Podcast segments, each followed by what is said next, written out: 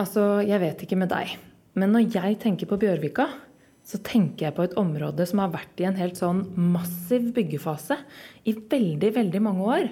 Men at nå, nå er det i ferd med å ferdigstilles. Er du ikke enig? Men jeg skal fortelle deg en ting. Det er bare nesten 60% som er ferdig. Det er med andre ord masse mer som skal bygges. Nå står jeg og venter på heisen som skal ta meg med opp til toppen av Barcode. Og der oppe på takterrassen i 15. etasje, der venter to arkitekter på meg. Nemlig Julie Sjøvald Oftedal og Halvor Weider Ellefsen. Jeg er veldig spent på hva de tenker at de nesten 20 årene med bygging her nede i Bjørvika har gitt oss av lærdom, nå som vi skal gyve løs på resten.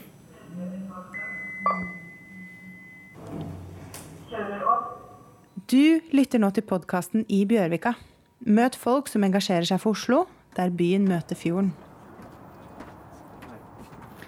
Her sitter dere i sola. Ja, takk. Nå står vi jo på toppen av det bygget som omtales som Isfjellet. Det er jo en av mange særegne bygg her i, i Barcode. Og vi har jo en helt fantastisk utsikt her fra 15. etasje. Hva, hva syns du om utsikten, Halvor? Jeg syns utsikten er helt praktfull. Nå er det jo 28 grader, og vi sitter mot sør og ser utover øyene i Oslofjorden. Og det er jo et av de aller mest sjarmerende delene av hele byen, er jo øylandskapet i sjøen, da. Det må jeg virkelig si. Det er ganske fantastisk å stå her oppe og ha fugleperspektiv. Ja, og tenke på hvor kort tid det er siden det ikke var noe her. Det er liksom her man eh, bør stå da, hvis man vil ha oversikt over eh, Bjørvika. Jeg har faktisk aldri vært på noen av takterrassene her før. Burde jeg helt sikkert ha vært. Ehm, og når man står her oppe og har dette perspektivet som vi har nå, så er det ikke lenger så overraskende det at eh, det er jo veldig mye som ikke er ferdig her i Bjørvika. Det er jo bare 60% som er ferdigstilt, og det er helt sikkert ikke noen overraskelse for dere som er arkitekter? Nei, det er det ikke. Altså, det er jo regulert inn en million kvadratmeter. Og sånn sett, når man er da bygget er det 60% eller noe sånt nå, så har man jo bygget kolossalt mye da, på de siste 15 årene, som er imponerende i, i seg selv. Men det er jo et kjempestort område. Og det er også greit at vi har noe igjen, slik at vi kan diskutere litt hva vi har bygget når vi skal bygge videre. Og det som skal bygges, det er jo det vi på en måte ser ut mot venstre, da, eller sør. Eh, hvis vi tar på oss litt sånn laserbriller og ser gjennom sørenga der, så er det jo et område som fortsatt er fullt av konteinere. Og jeg tenkte kanskje dere vil være med meg ned dit etterpå, så vi kan eh, ta en prat om framtidas Bjørvika også? Ja, veldig gjerne.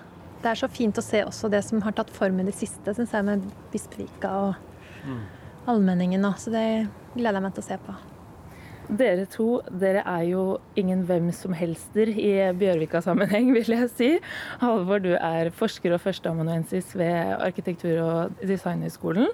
Og så har du skrevet ikke mindre enn en doktorgrad om Fjordbyen. Og Julie, eh, du er partner og strategisk leder i Alab Arkitekter. Og så vil jeg driste meg til å kalle deg en slags meningsbærer om Bjørvika gjennom veldig mange år. Og jeg er jo veldig nysgjerrig på hva dere to tenker om de eh, hva, hva, slags lærdom vi kan ta med oss fra de 20 årene som nå har gått siden Fjordbyen ble vedtatt, eh, og hva vi kan ta med oss til de områdene som nå skal snart ferdigstilles. Eh, og da tenkte jeg at det var fint med et lite tilbakeblikk først. og nå står vi jo på toppen av Barcode, egentlig litt sånn midt i Barcode. og det representerer jo for mange på en måte selve starten på utbygginga av Bjørvika. Halvor, kan ikke du ta oss gjennom bare sånn helt kort eh, prosessen bak Barcode? Ja, altså helt kort. Altså, nå har det jo vært eh, planlagt eller foreslått opera i Bjørvika siden 50-tallet, faktisk. Eh, men dette er, tok jo virkelig form sent på 90-tallet, hvor man hadde en diskusjon om man skulle ha havneby eller fjordby. Det var en kamp mellom Arbeiderpartiet og Høyre, strengt tatt, som Høyre vant. Eh, og dermed så vedtok man Fjordbyen. Og etter det så måtte man avklare den konflikten man hadde med havnemyndighetene, som gjerne ville fortsette med industrihavna si. Og etter ganske mye eh, politisk spill, som er en lang og intrikat og, og veldig morsom historie, egentlig, så landa man da med et parallelloppdrag eh, på slutten av 90-tallet, i 99 og en eh, reguleringsplan i 2003. Det, man, det morsomme er at man eh, hadde jo egentlig bygårder planlagt her. Høye bygårder. Og det man eh, også gjorde i den reguleringsplanen, var at man nedjusterte noen av de høydene man hadde sagt, satt, slik at man faktisk hadde en utnyttelsesgrad, altså mengden kvadratmeter man kunne bygge, sto ikke i overensstemmelse med de volumene man hadde. da. Og så så man at dette blir for høyt og, og, tett og vanskelig hvis vi skal ha bygårder, så vi må se etter en annen løsning. Og det var da vi hadde konkurransen om Barcode, som bl.a. Darko Arlab og hollandske MVDV vant. Og den, det er her vi, vi sitter i dag. Men det man eh, forsøksvis gjorde, da, var å lage noen eh, slanke bygg som skulle åpne opp for lys gjennom strukturen, samtidig som man fikk opp et riktig eh, antall kvadratmeter som svarte på det, eh, de arealtallene som lå i bånn, og som var kontraktsfestet eh, med, med utbyggerne. Og så gikk man i gang ved, på Oslo S-siden med KLP-bygget. Og så bygget man første del, og så etter hvert at selv om man ønsket større volum Eh, mot Oslo S, så ble det kanskje ikke helt slik man hadde tenkt seg. Særlig ikke når man begynte å bygge sammen eh, disse enkeltbygningene, istedenfor at det var åpne eh, små tråkk og stier mellom dem. Og så reviderte man den planen i 2008 med 10 000 kvadratmeter mindre, som ble tatt igjen på annet vis, når man da bygget østover mot Søringa, som ble avsluttet da med Arlabs ellers utmerkede The Veg, som er det siste bygget. Men da Barcode ble vedtatt, så skapte det egentlig ganske mye bråk allerede veldig tidlig i den prosessen. I 2007 mm. så var det 30 000 oslofolk som skrev under på en kampanje mot Barcode. Og eh, det var en, eh, en undersøkelse i Aftenposten som viste at 70% litt over 70% av oslofolk, de likte ikke Barcode. Hva var det som var så innmari feil? Jeg tror at hele tankesettet var veldig nytt og fremmed. Det å ha høyhus i Oslo sentrum. Før eh, alt dette begynte å utvikles, så var jo Oslo av mange kjent som hovedstaden Eller Norge var hovedstaden i Sverige. Ja. ikke sant? Så det her at vi skulle ha vårt eh, business district med høyhus, var veldig fremmed for mange. Og det var eh, protester som førte til bl.a. det Halvor nevner, med at det ble 10 000 kvadratmeter mindre mot øst, som ble tatt inn et annet sted. Og, eh, og, man, og det bidro til at Barcode ble en bedre versjon av seg selv. Ved at man satte inn veldig mye på å ha gode konsulenter, eh, toppmaterialbruk osv. Men du sier at eh, protestene kom tidlig, allerede i 2007. Men det er ikke tidlig, vet du. Det er altfor seint. Det vi ser nå, er at medvirkningsprosessene i dag er helt annerledes enn de var den gangen. Mm. Og en av de tingene jeg har tatt til orde for eh, i det offentlige ordskiftet, er jo det at vi har et demokratisk problem når protestene kommer etter at avgjørelsen er tatt. Mm. Og så Det har jeg hevdet at vi må bli mye bedre til å kommunisere tidlig. Når er det slagene står?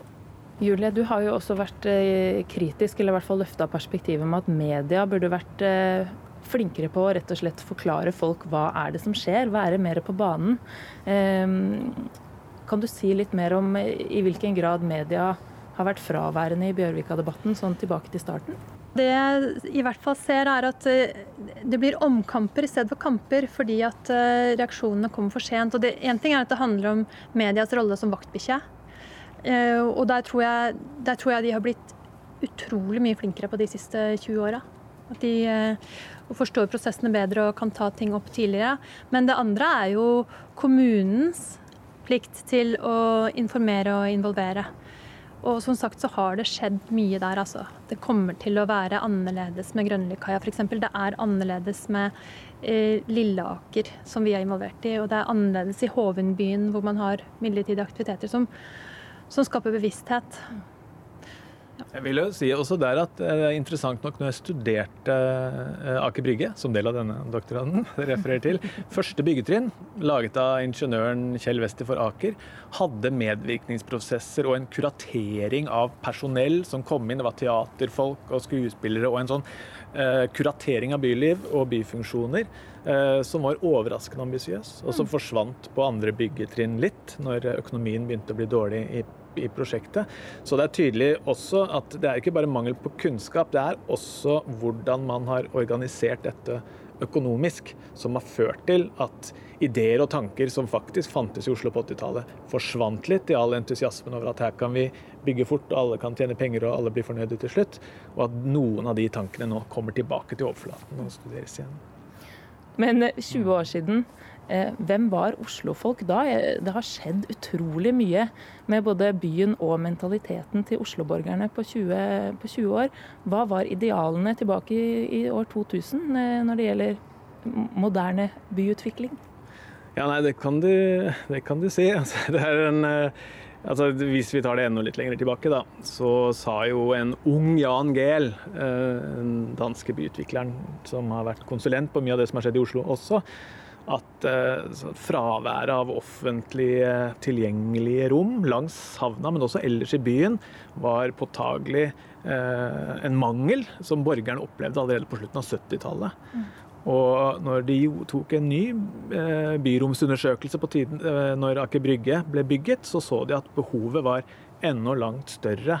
Og dagens bruk av de byrommene vi har til rådighet ved vann i dag, viser jo at det potensialet er jo tydeligvis økende med jo flere byrom vi har. Vi kan ikke bygge nok. Det fører til at folk bruker det mer og vil ha, ha mer. Og sånn sett så kan du si at bruken av byen kan jo ikke være basert på en idé om at oslofolk er slik. Derfor så trenger de ikke slike byrom. Du må gi dem noe, og så må de se hva det er, og så lære å bruke det. Fordi det mest urbane rommet i Oslo de siste 50 åra har vært rundt Sognsvann. ikke sant? Det er der folk er på søndager. Eh, mens søndager i Oslo, i hvert fall, la oss si for 20 år siden når jeg bodde der, da var det jo gjerne polakker og andre europeere liksom, som flanerte på Karl Johan. Det drev ikke oslofolk med. De var i skauen. Ja, der uh, I beg to differ. Mm. Uh, jeg studerte Fjordbyplanen da jeg gikk på Arkitekthøgskolen. Og en, en veldig viktig viktig visjon i den var jo at man skulle få urban rekreasjon for byens befolkning. Fjordbyplanen, når var denne, Halvor? Var det 2003? Mm. Ja, noe sånt. Men eh, et viktig poeng der var at det er ikke alle oslofolk som drar i marka.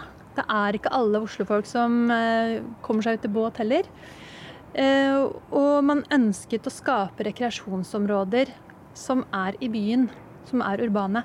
Og en ting som er veldig viktig i en sånn havnefrontutvikling, det er at når et sted har vært havn, så har det ikke vært tilgjengelig for byens befolkning. Dermed har ikke folk noen, eh, noe forhold til verken hvor stort det er, eller akkurat hvor det ligger. Sånn at reaksjonene også der kommer litt seint.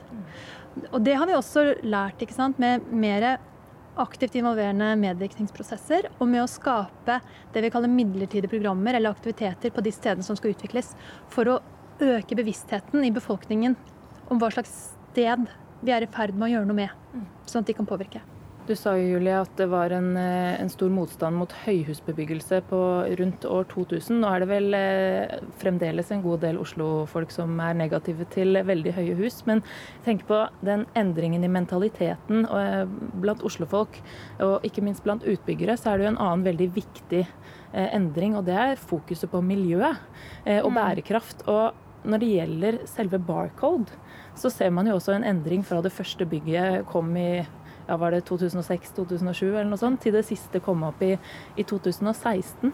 Eh, hva har det hatt å si for utviklingen av Bjørvika? Den, eh, det, det, at vi større, har et større fokus på bærekraft nå da, enn for 20 år siden? Nei, Helt konkret så har det jo ført til at det siste huset i Barcode eh, har helt andre bærekraftmål enn det første. Og, og, mye har jo skjedd også teknologisk. ikke sant? Og man har et helt annet forhold til eh, glasshus, blant annet, enn man hadde på begynnelsen av 2000-tallet. Vi har jo tegnet både det første og det siste huset i Barcode, vi. Og det har jo skjedd en kjempeutvikling. Og det er jo Hele poenget er jo å lære underveis, men også prøve å, eh, å forutsi litt fremtidens behov. Da. Sånn at man ikke hele tiden ligger eh, bakpå og bare bygger i forhold til det som er lovpålagt nå, men prøver å, prøver å strekke seg lenger. Og hvordan gjør man det? Nei, det handler jo om uh, ofte å samarbeide med andre fagfelter som kan noe annet mer enn oss, som vi kan lære av. Og ikke, ikke tro at arkitekten er et sånt geni som skal sitte og koke ut ting alene uh, i det kreative studio. Men uh, jobbe tett med de som kan noe annet, sånn at vi kan connect the dots på, en måte, på nye måter. Så vi får til noe sammen som vi ikke hadde fått til hver for oss. Det blåser litt her nå. Det var egentlig ganske deilig, for det er 28 eh, grader i solveggen her. Jeg tror vi snart må begynne å bevege oss ned mot sjøkanten. Um, um, men uh, vi snakket jo om dette med, med negativiteten i stad, og det var jo sånn at i 2014 så var halvparten av Oslo-folka fornøyde med Barcode. De syntes Barcode var, var, fint likevel, selv om 70 eh, ikke likte det noen år før. Hva var det som hadde skjedd med oss? Det ble sånn bakgrunnsbilde på Dagsrevyen. da. Det kan, kan, hende det hjalp litt. Sammen med litt bilder fra Finnmark og noe reinsdyr og sånn.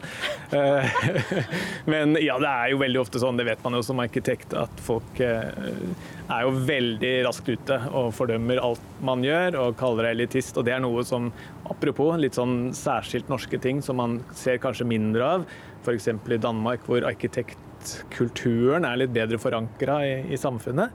I Norge er det jo liksom Atlanterhavsveien som vinner alle konkurranser om, om, de beste byggverkene. Altså ting laget av ingeniører, mer enn arkitekter. Eh, så det tror jeg kanskje eh, er en naturlig prosess når man bygger husene. Men så ser man at disse husene er jo ikke så enormt høye. Mm. Dette er ikke skyskrapere som lager vindtunneler. De skyggelegger jo ikke for noen andre enn togene. Og selv om de kan oppleves som en vegg hvis du bor på Enerhaugen, så har ikke folk så mye sympati med at folk mister fjordutsikten sin når de bor i blokk selv, på en måte. Så den tror jeg bare, som veldig mye andre ting, måtte, måtte modne eh, litt. Og så kunne folk like det etter hvert som form. Men så er det en del andre ting tilknyttet hvordan dette oppleves som offentlig rom. Fordi allmenningene og Sørenga og disse høyprofilerte byrommene i Bjørvika er jo er jo mye brukt, for de har en enormt høy sånn eh, herlighetsverdi, som Jan Gehl kaller det. Det er mye kvalitet ved dem. Men så kan man jo diskutere hva skjer på østsida av Barcode. Hvordan skal man få inn disse eh, andre brukergruppene? Og veldig mange eh, faller jo lett i den grøfta, delvis med rette at dette stedet er ikke for oss, det er for finanseliten, liksom. Bokstavelig eh, talt. Og dermed er noe man nærmest sånn på prinsipielt grunnlag sier at dette her eh, er ikke noe som angår oss, og derfor ikke noe bra. Det at folk ropte så, så høyt da, mot uh, Barcode, og det har jo, har jo egentlig ikke mangla på kritikk her i Bjørvika. Det ser man jo på diskusjonen rundt Sukkerbiten, Dronning Eufemias gate, Lambda. Mm. Eh, og Det er jo bra at folk engasjerer seg, men det, de, det at man roper så høyt, tenker du at det er et uttrykk for at det var den gang da manglende medvirkningskanaler? At det var vanskelig for folk å føle at de ble hørt? Ja, også medvirkningskanalene har jo vært ganske udemokratiske bakover, da. Eh, vi må også huske at det er ikke de som roper høyest nødvendigvis som representerer flertallet. Og de som kommer, hvem er det som har anledning til å gå på disse her folkemøtene? Det er jo veldig stor andel hvitt hår. Og de skal høres, de også. Men vi bygger by for fremtidige generasjoner, og vi bygger by også for folk som ikke har kommet hit ennå. Det er klart at eh, det er et verdifullt engasjement at folk er glad i byen sin og bryr seg om hva som gjøres her. Men prosessene, medvirkningsprosessen må være mer demokratiske enn bare å høre på de som roper høyest og bor nærmest. Og hvis eh, jeg for 20 år siden kunne stått her oppe i 16. etasje, 15. etasje, noe jeg ikke kunne, for da var ikke dette bygget her, eh, da hadde jeg sett en gigantisk trafikkmaskin og en, en motorvei og container på container. Da jeg kjørte 34-bussen over her eh, for 15 år siden, så var det helt sånn utenkelig å se for seg det, det vi nå kan se ut her, med et gigantisk museumsbygg og badeplasser så langt øyet kan se det også, kan det også forklare noe det at i 2000 så var det veldig vanskelig for folk å se for seg hva de kunne ønske seg også? Ja, eh, og de ble heller ikke helt spurt, da. Det er en annen anekdote fra Aker Brygge jeg bruker å dra. at Når man hadde konkurransen om byen og fjorden, den første konkurransen om å utvikle havnefronten, så sto det eksplisitt at utviklingen av eh, fjord, eller sjøkanten i Oslo må ikke frata den eksisterende byens kulturinstitusjoner, men bygge nytt, slik at vi får en planlegging som både ivaretar det vi har, og dette nye. Og Det kan man jo si diametralt er blitt brutt med som prinsipp. Og på denne I dag så skryter jo man av i Bjørvika at man klarer å lokke leietagere fra Kvadraturen og ned i byen. Og den på en måte Kremrånen er veldig sånn positivt sånn når du skal skape arbeidsplasser, men for byen og liksom byøkonomien så vet jeg ikke om det er så heldig at man i kommunalt eller statlig eide selskaper forsøker å loppe hverandre for kunder, istedenfor å forsøke å samordne det mer strategisk. Og Det er sånn ankepunktet mot Fjordbyen særlig. For besøkende har fra, fra, Spania og Frankrike og Italia, planleggere, sier ofte at ja, dette er jo flott på mange måter, men hvorfor har den så lite konsekvens utover seg selv. Hvorfor virker den ikke inn på Tøyen og Grønland? Hvorfor er den ikke diskutert mer i forhold til Vika? For hvis det er et så stort anslag, så kan man ikke bygge denne uten å diskutere de 100 meterne som ligger bak bebyggelsen, altså selve byen.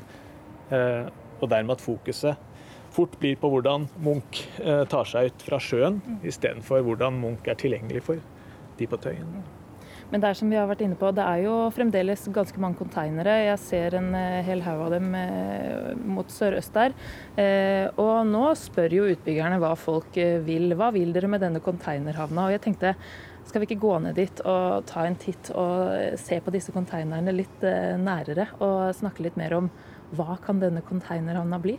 Blir dere med? La oss gjøre det. Jeg angrer yes. veldig på at jeg ikke tok med badedrakt. Du skulle hatt solhatt, sånn som meg. Trenger ikke badedrakt.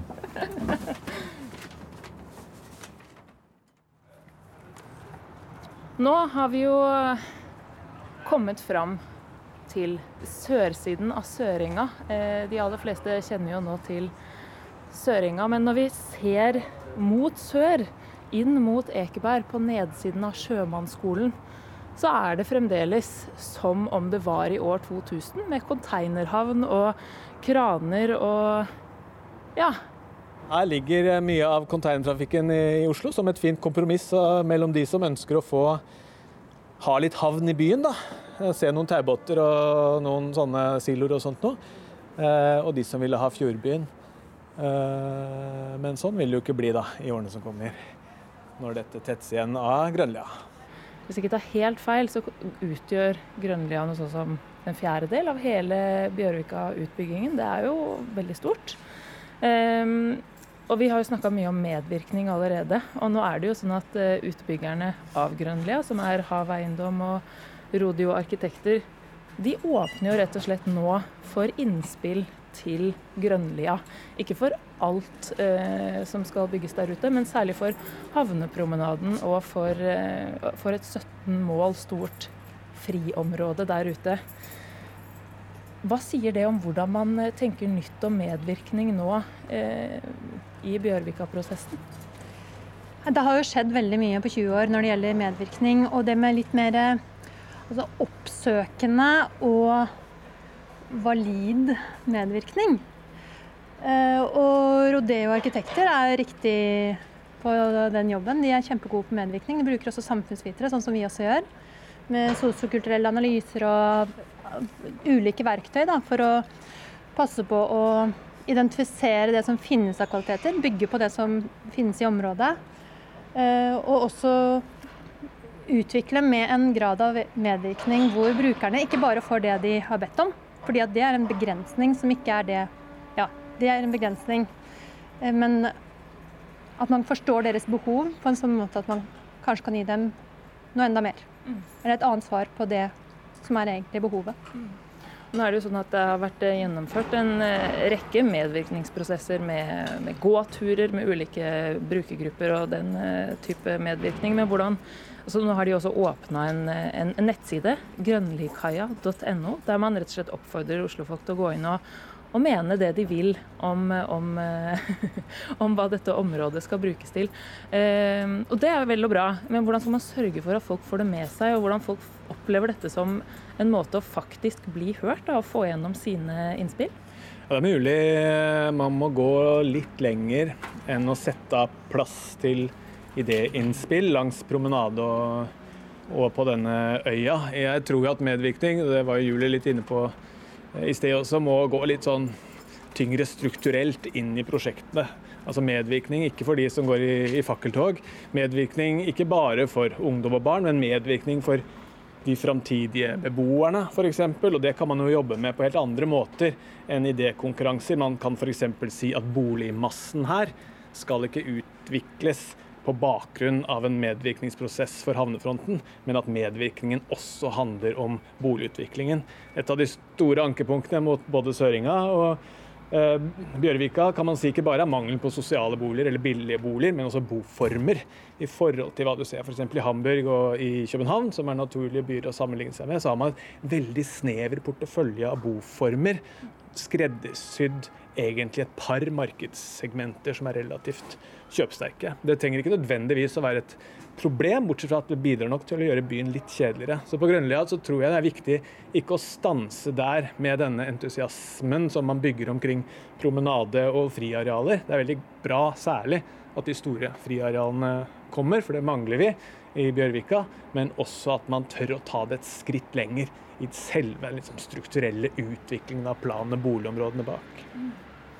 Men ved å involvere innbyggerne og de som rett og slett skal bruke områdene, så får man jo også kanskje nå muligheten til å kartlegge hva Bjørvika ikke har klart å innfri på til nå. Eh, hva, hva folk savner. Hva tenker du at mangler i det som allerede nå er bygget? Jeg tror som Halvor sier at vi får aldri nok eh, vi får aldri nok av de rekreasjonsarealene. Fordi at jo, En ting er at byens befolkning vokser, og en annen ting er at når folk ser den muligheten, så kommer de i enda større grad. Og, ja. Så den type rekreasjonsarealer med kvalitet, men også en, eh, en, enda større variasjon, tror jeg. Nå har vi jo vært gjennom et paradigmeskifte siden Barcode. I Barcode så eh, var det liksom én arkitekt per hus, og så skulle man finne leietager etterpå. Og så jobbet man med førsteetasjene til slutt.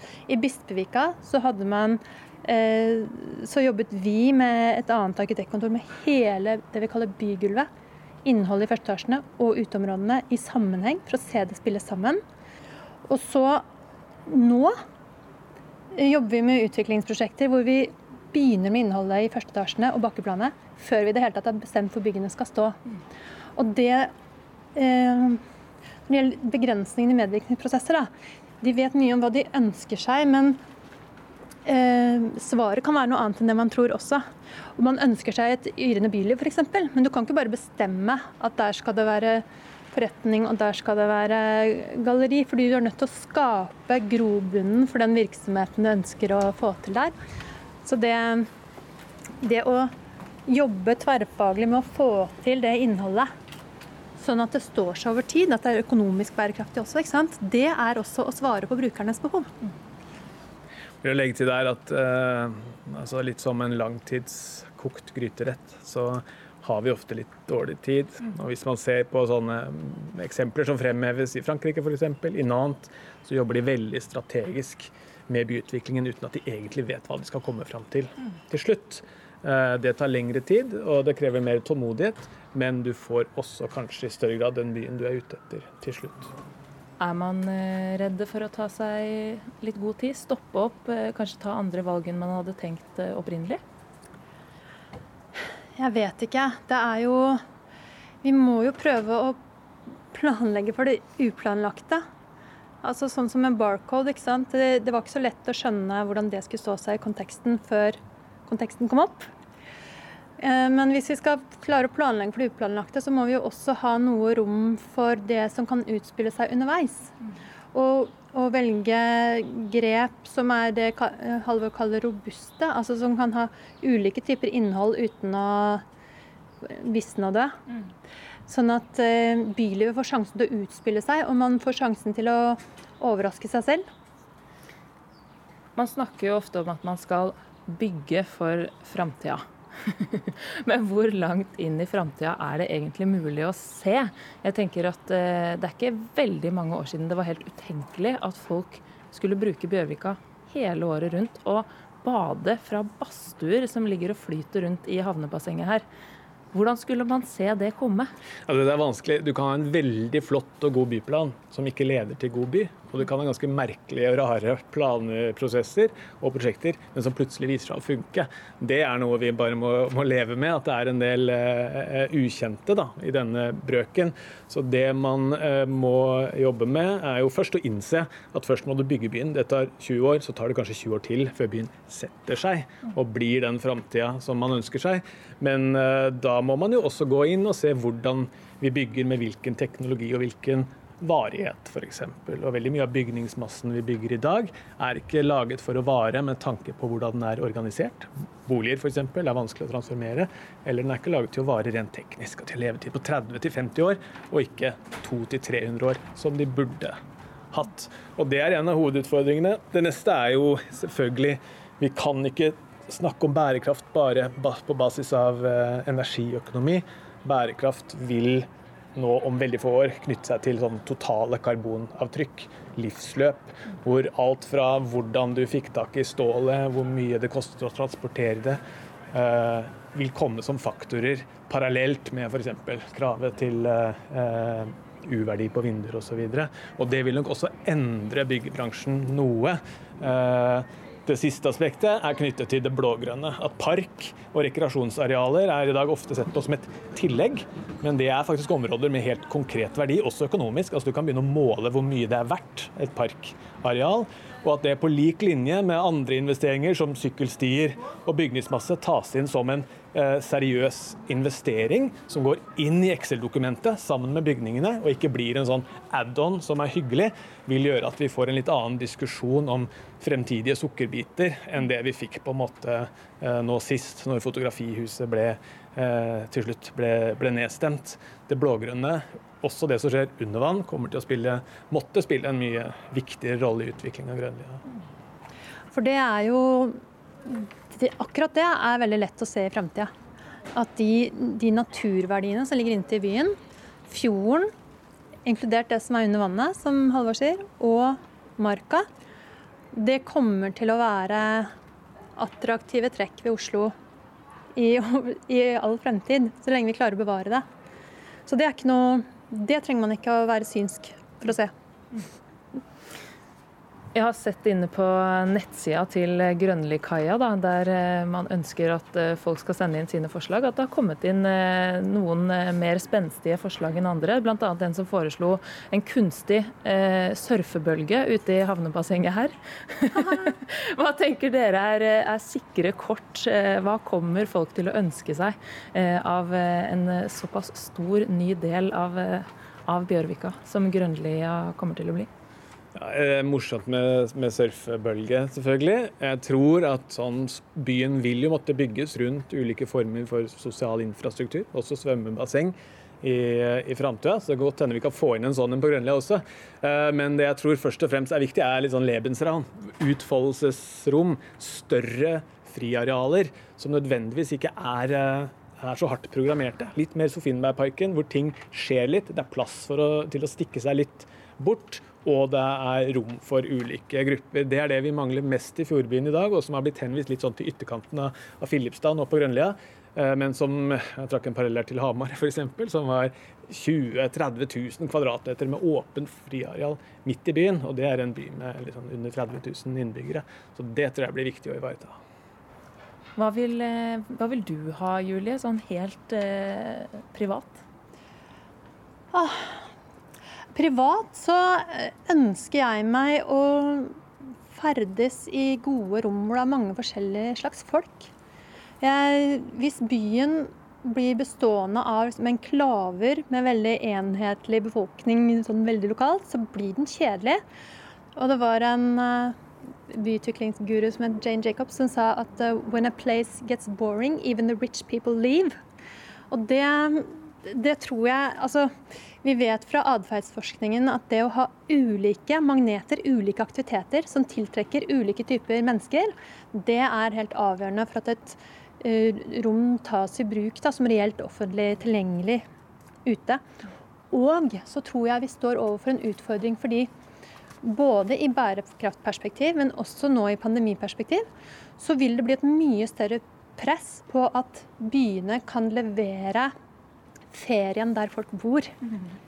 Vi vil, vi vil, måtte finne eh, det vi hadde tenkt å høre i Berlin, vil vi måtte finne her. Den konserten vi hadde tenkt, den kulturopplevelsen, museet.